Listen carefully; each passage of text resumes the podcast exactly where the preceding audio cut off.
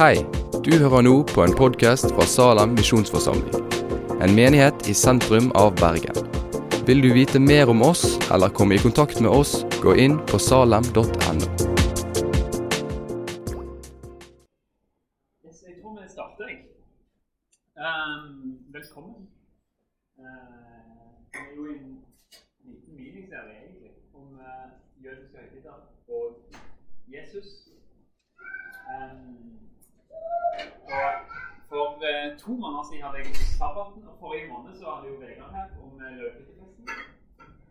ikke vært her, men jeg eh, hørte at det var rikt og spennende.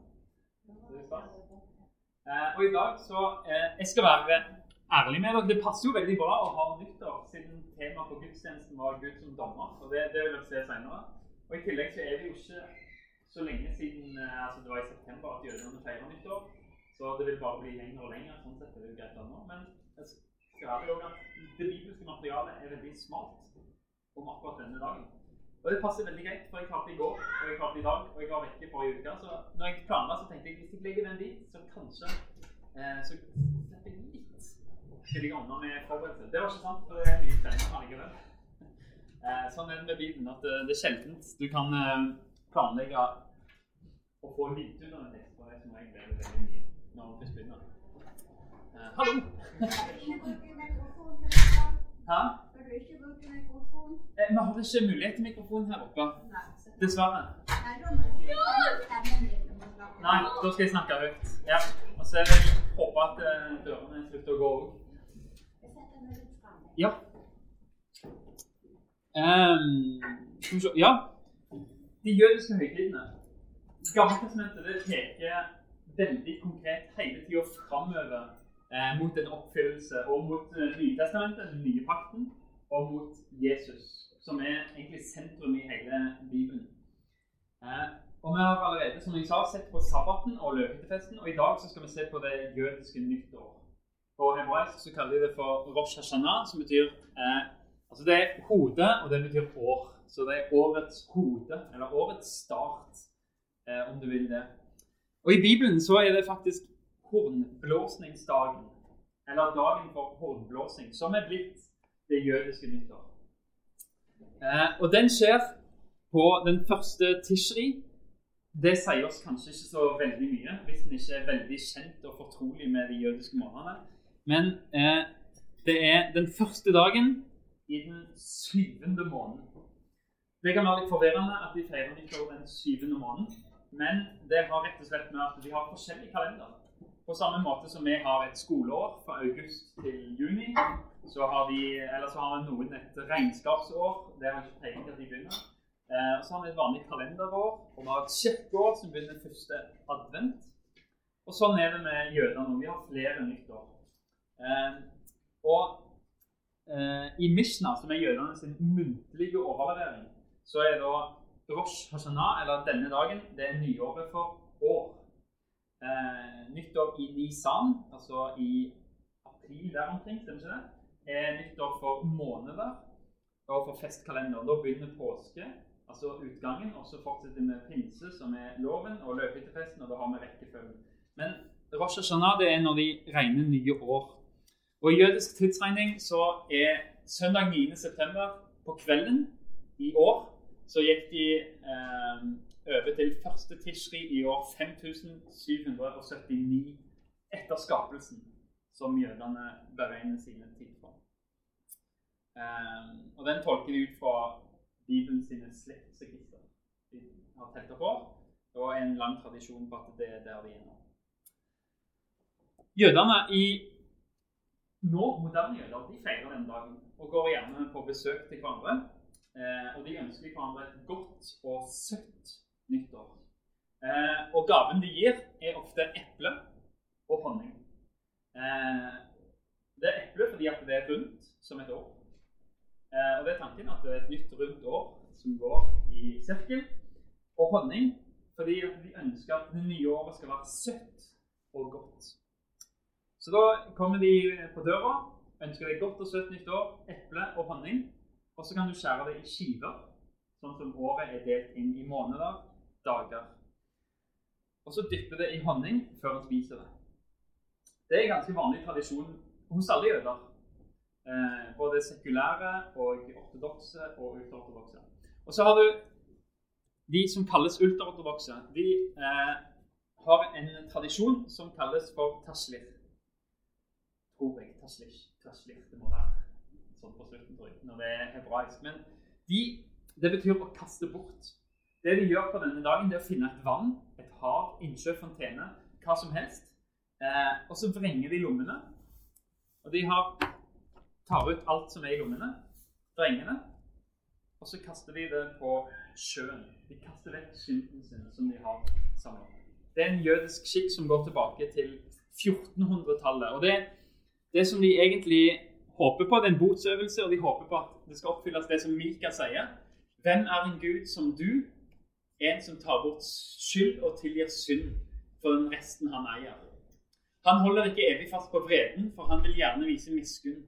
Herren skal igjen vise barmhjertighet mot oss og trå vår skyld under fot. Du skal kaste alle våre synder ned i havets dyp. Og Der starter de nyttår. Med egentlig å komme, vrenge lommene, kaste det på sjøen og bekjenne og omvende seg. Og egentlig så er det en tradisjon som er litt i vår arv òg. Jeg vet ikke om dere har vært borti en tale av Ole Hallesby. Han ga ut en taleserie som heter Tre radiotaler.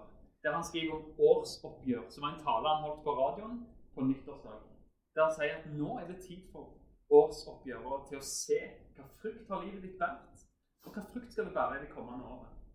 Så egentlig så er det en tradisjon som vi har arva litt grann, fra, i, altså i vår rosenianske arv, eh, som vi har tatt videre. Det er jo litt interessant. Men den skikken går tilbake til 1400-tallet, altså før Luther. Så begynte jødene med dette. Eh, og Det kan godt være den tidligere òg, men det er da de finner spor etter den. Eh, og Det viser oss litt tanken bak nyttårsfeiringen og hornblåsingsdagen. Men dette, dette, ritualet her det viser egentlig veldig godt hva jødene ønsker at nyttår skal være. Og Vi skal ha dette i bakhodet, og så skal vi gå videre på det bibelske sporet som handler om hornblåsing. Um, for det i Bibelen snakker ikke om nyttår, altså sier at dette skal være nyåret, men den snakker mest om hornblåsingsdagen. Og Det passer veldig bra i forhold til det som var tema på gudstjenesten med Gud som dommer. Men Vi skal lese de to bibeltekstene vi har på denne dagen i, eh, i Gammeltestamentet. Herren sa til Moses altså Dette står i kontekst med alle de andre høytidene eh, som jødene feirer. Herren sa til Moses, tal til israelittene og si:" Den første dagen i den 20. måneden skal dere holde hviledag. Da skal dere blåse i horn for å minne om den hellige samlingen. Den dagen må dere ikke gjøre noe arbeid, og dere skal bære fram gaveoffer for Herren. Og så har vi en tekst i Fjerde Mosebok òg som handler om den samme dagen. Fjerde Mosebok 29, 1-6. Den første dagen i den 20. måneden skal dere holde en hellig samling. Da skal dere ikke gjøre noe tungt arbeid. Det skal være en dag der hornet skal lyde hos dere. Dere skal bære fram brennoffer til en duft som er behagelig for Herren. En ung okse, en vær og sju års gamle lam uten feil. Grøtofferet som hører til, skal være hvetemel blandet med olje, tre tiendedels efer for oksen, to tiendedels efer for væren og en tiendedels efer for hvert av de sju lammene. En geitebukk skal dere bære fram som syndoffer til soning for dere. Dette skal dere ofre i tillegg til nymåne, brennofferet og det daglige brennofferet, med grødeoffer og drikkeoffer som hører til, slik regelen sier. Det skal være et gaveoffer, en duft som er behagelig for Herren. Og Den går jo veldig i detalj, denne teksten. Um, skal vi se Da må jeg bare finne riktig manus. Men det vi ser i disse to tekstene vi har lest om hornblåsingsdagen, det er at det er ikke så veldig mye info. Vi får ikke så veldig mye informasjon her, egentlig. Men allikevel så spiller denne dagen en veldig viktig rolle i festkalenderen og i frelseshistorien. Eh, den første teksten sier at det skal blåse i horn for å minne om at det er helligdag. Og Den andre teksten sier også at dette er en dag der hornet skal lyde. Og på hebraisk, hvis vi skal oversette sånn direkte det er mange måter å oversette på, for hebraisk er et veldig rikt språk. Men Hvis vi skal bare ta sånn ord for ord og direkte, så står det i den ene teksten I den syvende måned, på den første dag i måneden, skal det være for dere en hviledags ihukommelses hornblåsnings hellige festforsamling. Litt vanskelig å fatte hva det egentlig vi skal minnes her. Eh, og på alle nymånedager altså Uansett hva, dag, hva måned det var i året, hver måned så blåste de i trompet. På gledesdagene og i høytidene og på nymånedagene skal dere blåse i trompetene når dere ofrer brennoffer og fredsoffer. Det skal være en påminnelse om dere hos Herren deres Gud. Jeg er Herren deres Gud. Tanken er at altså, de blåser hver måned i trompet. Første dag i måneden så skal de blåse i trompeter. Men det er sølvtrompeter. Eh, og så er det eh, Altså Hornblåsing det minner om noe nytt. Men det er ikke bare en vanlig nymånedag når det er hornblåsningsdagen eller nyttår. Det er noe mer. Eh, den syvende måneden er spesielt. Den syvende måneden er fullkommenelsestall. Altså Gud skapte jorda på syv dager. Det er fullendelsen. Det er slutten på festkalenderen. Den syvende måneden er siste måneden i festkalenderen deres. Det er en spesiell frelsesmåned fordi det er Yom Kippur. Forsoningsdagen. Eh, så det de innleder når de blåser i horn på den syvende måneden, det er at det er frelse og det er fullendelse.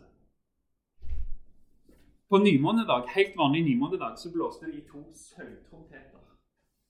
Men det er litt spesielt med den syvende måneden. Den første dagen da skal de blåse i en sjofar, et horn. Det er en annen måte å blåse på, um, som innleder festkalenderens klimaks. Nå er den syvende måneden, den siste måneden i høytidskalenderen. Eh, og frelsens måned er nå kommet. Den siste måneden, fullendelsen. Og for jødene så er denne sjofaren spesiell. Og Vi skal se, vi skal følge litt. Hva er det betyr at de blåser i sjofar denne dagen? Et de horn, ikke trompet. Er, hva, hva, betyr det at de blåser i sjofar? Og Vi kan lese i Salme 81. Den er litt lang, men vi leser hele. fordi det viser, det viser en helhet i, i, hva Og her er det sjofar de snakker om, i hårblåsning. Eh, Salme 81. Til korlederen etter Gittit av Asaf. Bryt ut i jubel for Gud, vår styrke.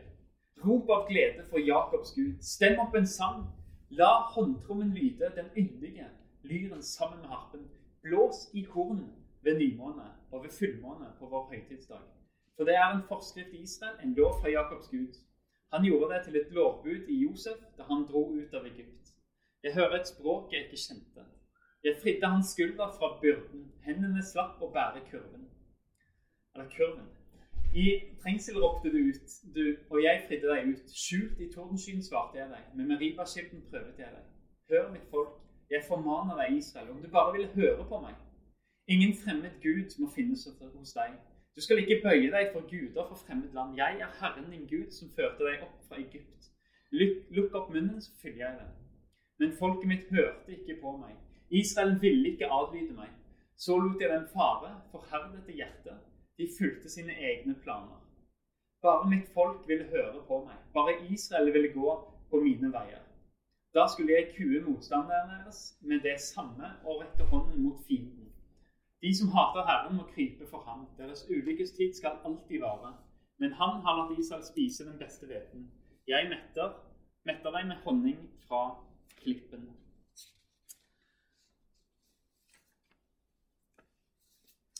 Hornblåsing, det er et uttrykk for glede.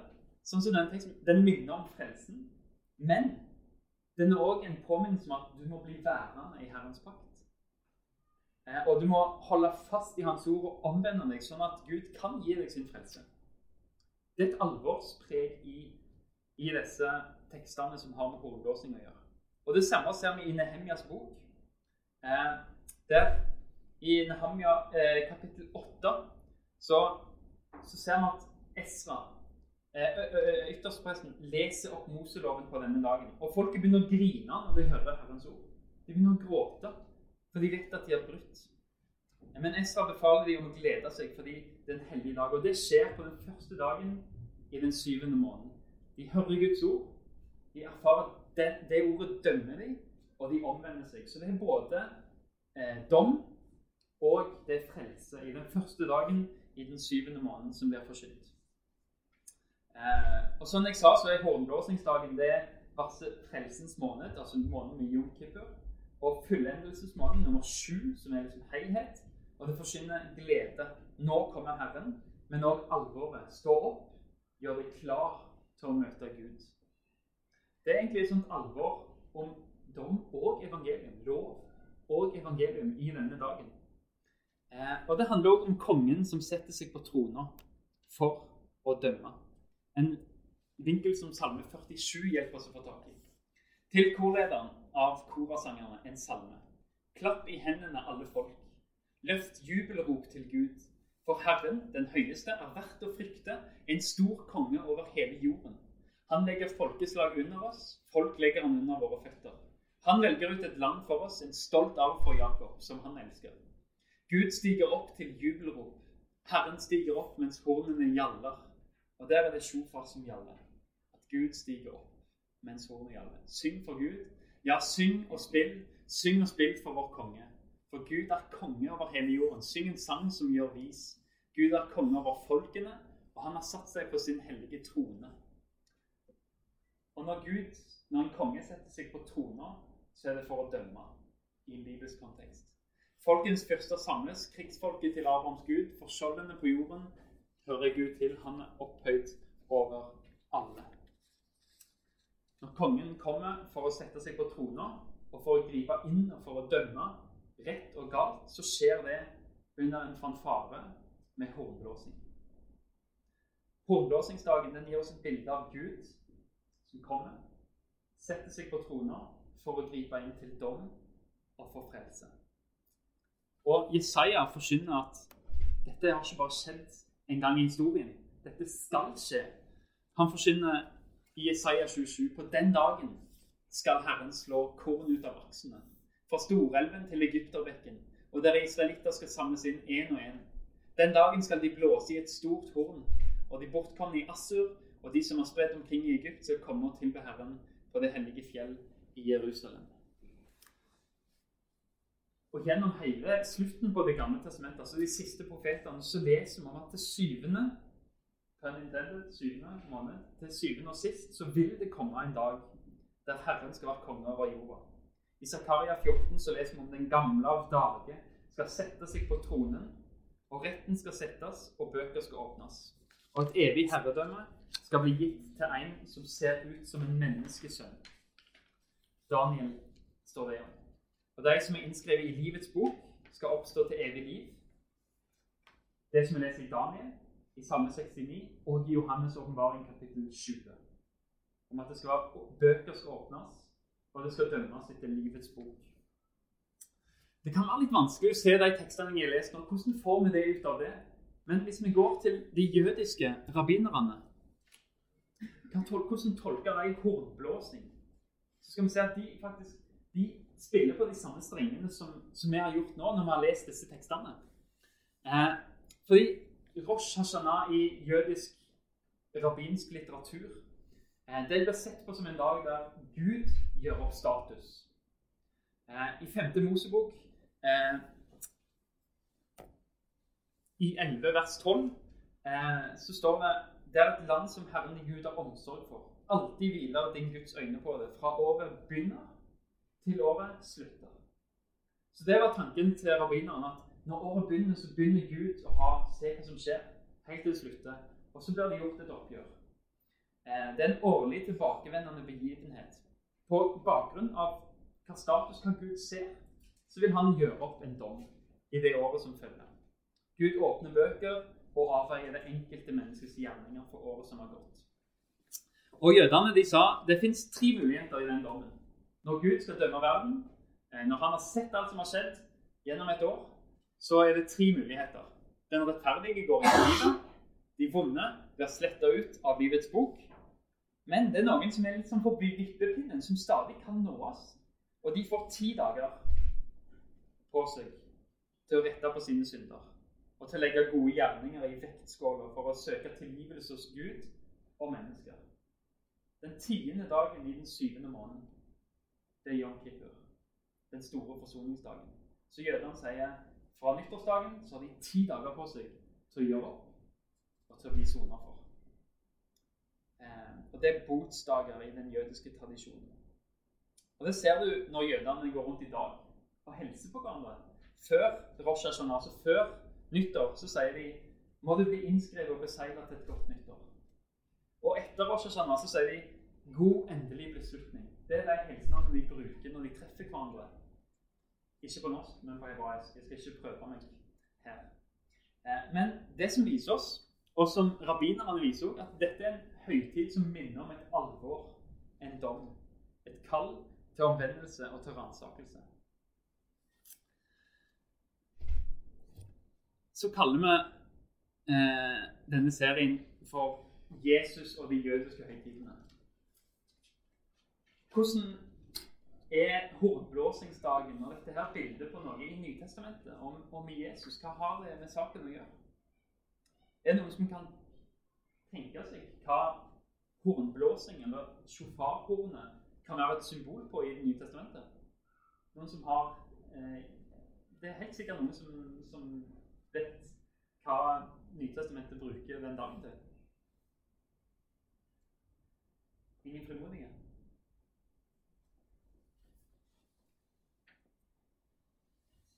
Den siste basunen. Og folk spør ja, men hvorfor står ikke den siste sjofar i, i Bibelen, i Nytestamentet? Hvorfor er de plutselig på basun igjen? Det er fordi grekerne ikke hadde et ord for det. Og Nytestamentet er skrevet på gresk, og de så et tårn som lagde lyd, og de sa basun. Um, så derfor er litt den lost in translation, men at den er der, det tror jeg uh, messianske jøder Og når de forsyner på denne dagen, eh, da kan f.eks. gå inn på Christ Church eh, Jerusalem sin podkast. Han har en der som har masse undervisning om de forskjellige jødiske høytidene, som trekker disse linjene. Eh, så de messianske jødene vil trekke disse linjene. Selv om det greske ordet er annerledes, så ser de at her har hornblåsingsdagen sin oppfyllelse. Den syvende måneden, som er sabbatmåneden, altså den nummer syv, sabbat, som gir hvile og som er fullkommen. Gud skapte verden på syv dager, så det er fullkommelse.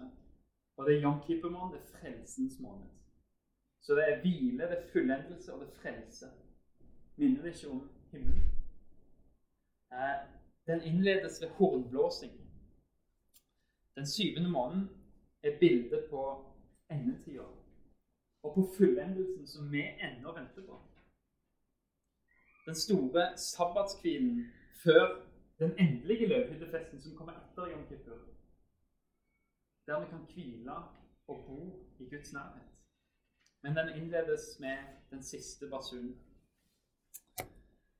Når basunen lyder, skal han sende ut sine engler, og de skal samle hans utvalgte fra de fire verdenshjørner, fra den ene enden av himmelen til den andre, skriver Matteus.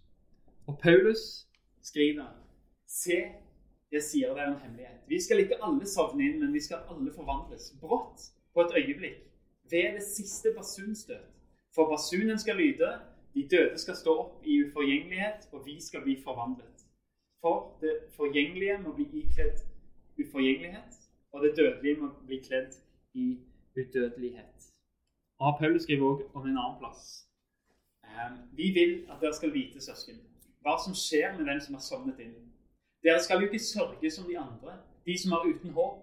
For om Jesus døde og sto opp, og det tror vi, så skal Gud også ved Jesus føre dem som har sovnet inn, sammen med ham. Dette sier jeg dere med ett ord fra Herren. Vi som fremdeles lever og blir igjen her helt til Herren kommer, skal slett ikke komme før den som har sovnet inn. For når befalingen lyder, når erkeengelen roper og Guds basun høres, da skal Herren selv stige ned fra himmelen, og de døde i Kristus skal stå opp først. Deretter skal vi som er igjen og ennå lever, bli rykket bort sammen med dem i skyene for å møte Herren i luften. Og så skal vi være sammen med Herren for alltid. Trøst og sett mot i hverandre med disse ordene. Og I åpenbaringsboka så finner vi sju personer. Sju domspersoner.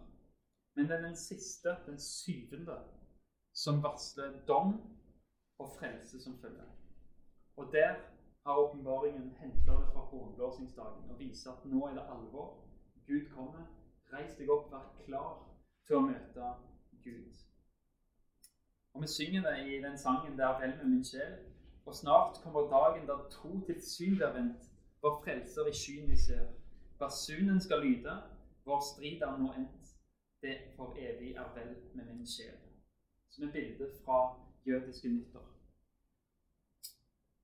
Og i dag, denne dagen har et kall til oss. Tror jeg i, sånn, i den måten de jødiske ortodokse markerer dette på. Vi går ut til vannet, tømmer lommene sine og gir det til Gud og sier du må drukne mine synder i havets dyp. Dette er det eneste håpet de har for å bli innskrevet i livets bok. Og litt sånn tror jeg det er vårt kall òg, at denne dagen kan minne oss om at nå er det et årsoppgjør som vi må ta med Gud. Gud kommer som dommer. Men vi kan møte han som frelser. Hvis det oppgjøret får bli med oss.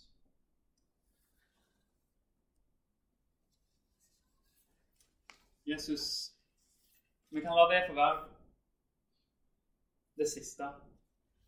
At Jesus kanskje kan få la dette få være et sånn årsoppgjør som han kaller oss til.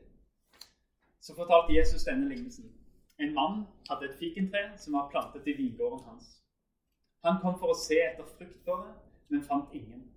Da sa han til gartneren, nå er dette tredje året jeg kommer og leter etter frukt på dette fikentreet uten å finne noe. Hugg det ned Hvorfor skal det stå der og suge ut jorden? Men gartneren svarte, Herre, la det stå dette året også. Så skal jeg grave omkring det og gjødsle det. Kanskje det da vil være frukt neste gang. Hvis ikke får du hugge det ned. Jesaja 1, 12-20 òg. Jeg har ikke det på skjermen. Jesaja 1, 12-20. Eh, som handler litt om Kanskje akkurat de perspektivene som hornblåsingsdagen løfter fram for oss. Når, jeg, når dere kommer for å vise dere for mitt ansikt, hvem krever da slikt av dere? Dere tråkker ned forgårdene mine. Kom ikke lenger med unyttige gaver, jeg avskyr offerrøyken. Nymåne og sabbat, kunngjøring av høytider. Jeg tåler ikke falskhet og fest. Jeg hater nymånedagene og festene deres. De er en byrde jeg er trett av å bære. Når dere løfter hendene, lukker jeg øynene for dere. Hvor mye dere enn ber, hører jeg ikke. Hendene deres er fulle av blod. Vask dere og gjør dere rene. Få de onde gjerninger bort fra mine øyne. Hold opp med å gjøre vondt. Lær å gjøre godt. Søk det som er rett. Hjelp den undertrykte. Vær forsvarer mot farløse. Før enkers sak. Kom, la oss gjøre opp vår sak, sier Herren. Om syndene deres er som purpur, skal de bli hvite som snø. Om de er røde som skarlagen, skal de bli hvite som ull. Hvis dere er villige og lydige, skal dere få spise det gode i landet. Men er dere uvillige og trassige, skal dere fortæres av sverd, for Herrens munn har talt. Igjen er det nymåne. Igjen er det dom og frelse. Og jeg tror det er kornblåsingsdagen vårt sitt budskap til oss. Basunen skal lyde. Så er spørsmålet om vi har kommet til Jesus og bekjent vår synd og latt han drukne de syndene i havet. For han er trofast og rettferdig og tilgir all synd når vi bekjenner.